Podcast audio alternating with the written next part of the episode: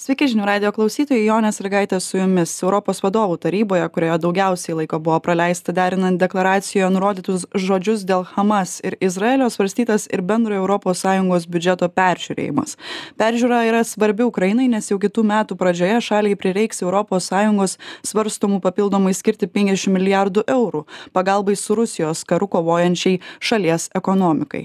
Nors šiame susitikime sutarti nepavyko tikimasi kad tai pavyks padaryti per kitą vadovų tarybos posėdį kuris vyks gruodžio mėnesį. Visgi jau dabar vengrija ir slovakija papildomai paramai ukrainai priešinasi. Ar pavyks sutarti dėl papildomos finansinės paramos ukrainai dar šiemet?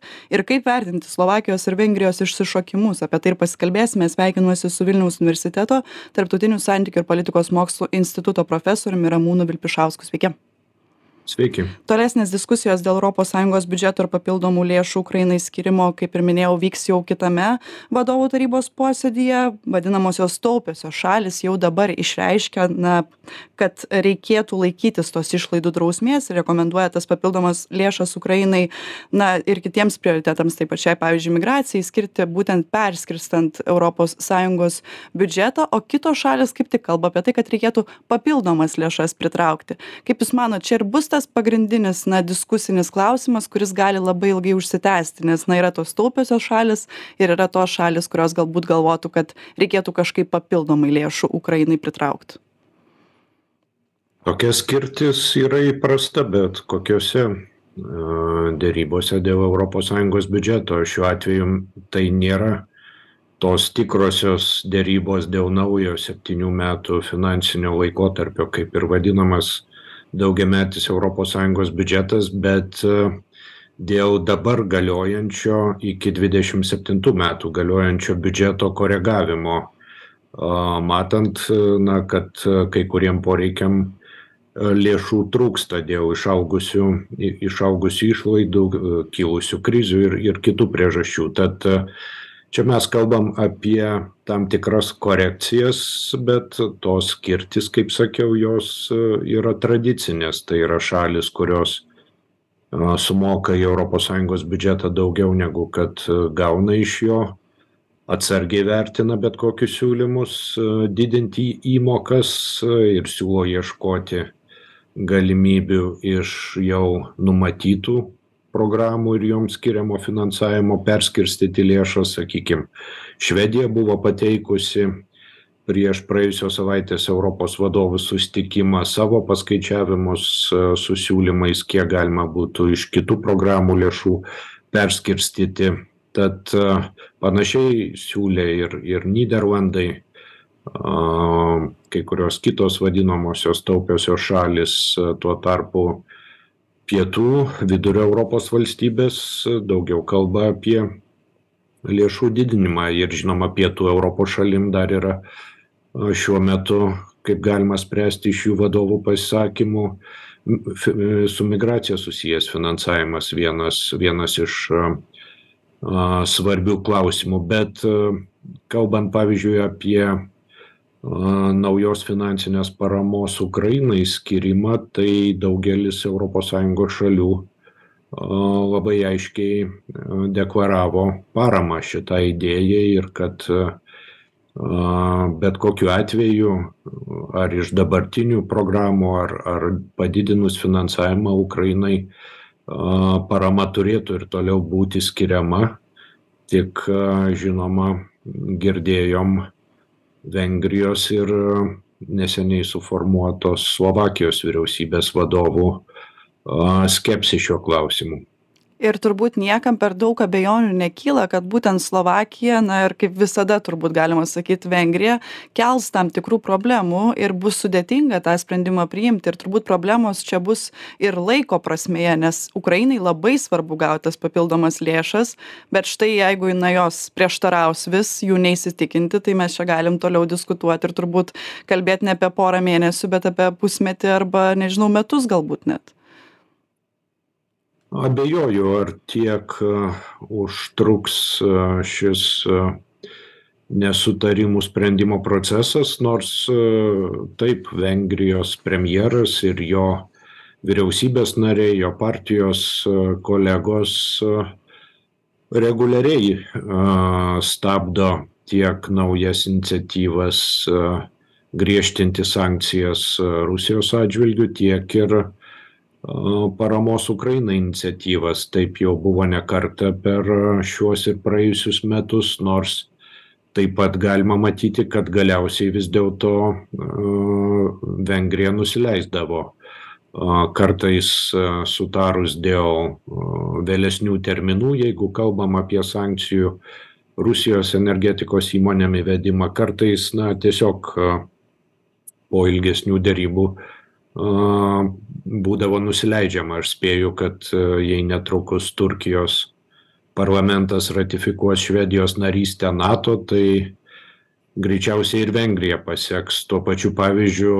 Ir čia ypač gerai matom, kaip Vengrijos valdantieji dažnai susiję labai menkai susijusius klausimus tam, kad vėlgi mano nuomonė parodytų savo rinkėjam, jog jie yra svarbus ir, ir turi savarankišką požiūrį, kuris yra kitoks negu to vadinamo Briuselio.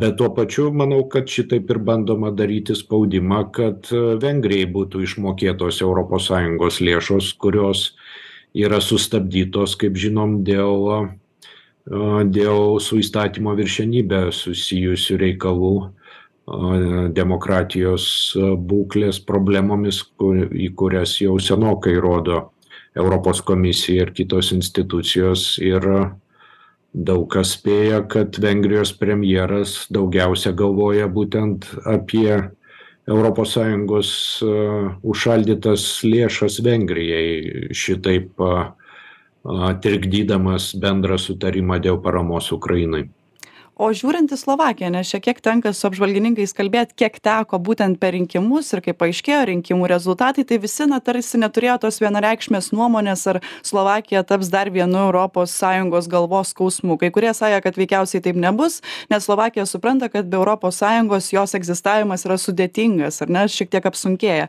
Bet dabar štai mes matom kad slovakija jau kažkokias prieštaras pradeda reikšti. Girdėjom ir kas buvo su karine parama ukrainai kad nustos ją teikti. Tai ar galim dabar stebėt tokį dalyką kad iš tiesų randasi dar viena prieštaraujanti šalis kuri visą laiką ir stos į tą vengrijos pusę ir turėsim dabar jau tas dvi europos sąjungos valstybės kurios ir taps tais galvos skausmais kaip jūs matot? Na praėjusią savaitę matyti naujojo Slovakijos premjero pasisakymai, girdėti pasisakymai teikia pagrindo manyti, kad jis bus Vengrijos premjero Orbano dažnas sąjungininkas prieštaraujant naujoms paramos Ukrainai priemonėms ar naujų sankcijų Rusijai įvedimų, ypač kai tos sankcijos gali turėti įtakos ir šių šalių ekonomikai. Bet kita vertus, narystė ES Slovakijai nebejotinai yra svarbi, tiek narystė bendrojoje rinkoje, kaip ir Vengrijai, tiek ir gaunamos lėšos tiek iš daugiamečio ES biudžeto, tiek ir iš ekonomikos atsigavimo ir atsparumo fondo. Ir šiuo požiūriu manau, kad turbūt premjeras Fico nesiryš eiti taip toli, kad rizikuotų šiomis lėšomis, kad jos galėtų būti užšaldytos. Veikiau, na, jis tiesiog tikriausiai sieks savo rinkėjams Slovakijoje parodyti irgi tai, kad na, jis a, nepuola sutikti su tuo, kas yra siūloma ES institucijų ir turi kiek kitokią nuomonę a, kai kuriais klausimais, ypač tais, kurie, kurie susiję su Rusijos karu prieš Ukrainą ir apskritai užsienio užsienio politikos reikalais, apie kuriuos jis kalbėjo rinkiminės kampanijos metu. Tad tai, ką girdėjom praėjusią savaitę iš jo, nėra netikėta, bet prisimenant rinkimus Lenkijoje ir tai, kad tikėtina, jog vis dėlto Lenkijoje keisis valdančioji dauguma, ir Lenkijos santykiai tiek su ES institucijom, tiek ir su atskirom šalim, tokiam kaip Vokietija, taip pat veikiausiai taps konstruktyvesni. na vis dėlto vengrijos premjeras tikriausiai nebeturės vieno didesnį svorį turinčio sąjungininko europos sąjungoj šiais klausimais ir ir slovakijos premjeras čia turbūt nebus toks stiprus bet apskritai šitas sprendimų priėmimo vilkinimas o vilkinimas iš tiesų kainuoja kaip jūs teisingai pastebėjot mano nuomone vis dėlto kelia tą ilgalaikį klausimą apie sprendimų priėmimo taisyklių reformą. Ar tikrai tokiais klausimais kaip ekonominės sankcijos kaip europos sąjungos plėtra naujų narių priėmimas turėtų toliau būti taikomas vienbalsiškumo principas kai bet kuri viena šalis gali savo turimą veto teisę išnaudoti šantažuodama iš esmės kitas kitaip sakant keldama reikalavimus kurie tiesiogiai nėra susiję su svarstomu klausimu bet spręsdama kitas savo problemas ačiū jums labai už skirtą laiką. Kalbėjomės su vilniaus universiteto tarptautinių santykių ir politikos mokslų instituto profesoriumi ramūnu vilpišausku. Šią laidą vedžiau aš jonė salygaitė jums klausytojai sakau gražios likusios dienos